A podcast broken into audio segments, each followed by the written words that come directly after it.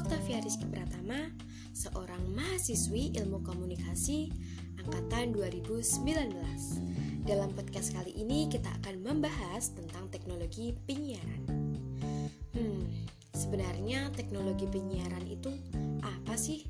Terus bedanya siaran sama penyiaran apa sih? Nah, daripada pusing-pusing, yuk bahas satu persatu. Eits, sebelum lanjut, kita bahas tentang bedanya siaran dan penyiaran dulu ya, oke? Okay?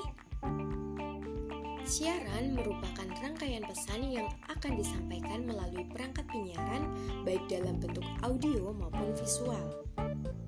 Sedangkan penyiaran atau dalam bahasa Inggris dikenal sebagai broadcasting adalah keseluruhan proses penyampaian siaran dimulai dari penyiapan materi produksi, proses produksi, penyiapan bahan siaran, hingga pancaran penyiaran yang nantinya akan memancarkan pesan dalam siaran sampai kepada pendengar atau pemirsa di suatu tempat. Kemudian dalam proses penyiaran ini dibutuhkan teknologi penyiaran supaya pesan siaran dapat diterima oleh pendengar atau pemirsa secara serentak. Nah, dalam melaksanakan penyiaran, kita juga perlu memperhatikan syarat-syaratnya nih. Syarat yang pertama,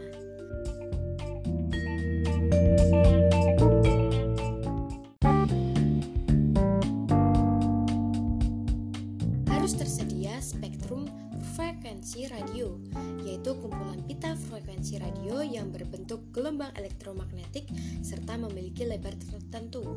Gelombang ini dapat membawa pesan berupa sinyal gambar dan suara yang memiliki sifat dapat mengarungi udara dalam kecepatan tinggi. Bahkan, kecepatannya di ruang hampa udara adalah 300.000 km per detik. Syarat yang kedua, yaitu harus ada sarana pemancar. Sarana pemancar yang dimaksud yaitu mikrofon yang mengubah bunyi menjadi sinyal listrik. Sarana yang kedua yaitu ada rangkaian pemancar yang mengubah sinyal listrik menjadi gelombang elektromagnetik. Dan sarana yang ketiga yaitu antena yang memancarkan gelombang elektromagnetik sehingga dapat merambat ke tempat yang jauh. Syarat yang ketiga harus ada perangkat penerima, baik radio maupun pesawat televisi. Syarat yang keempat, harus ada siaran atau program acara. Dan syarat yang terakhir yaitu harus dapat diterima secara serentak. Penggunaan teknologi pemancar dalam televisi dengan radio pun berbeda. Untuk radio sendiri menggunakan teknologi pemancar berupa amplitudo modulasi atau biasa disingkat AM dan frekuensi modulasi yang biasa disingkat dengan FM. Sedangkan televisi memiliki teknologi pemancar berupa pemancar suara dan pemancar gambar.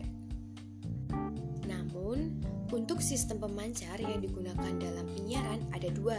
Yang pertama, sistem pemancar terestrial, yaitu sistem ini menyediakan transmisi melalui jaringan transmisi berbasis darat.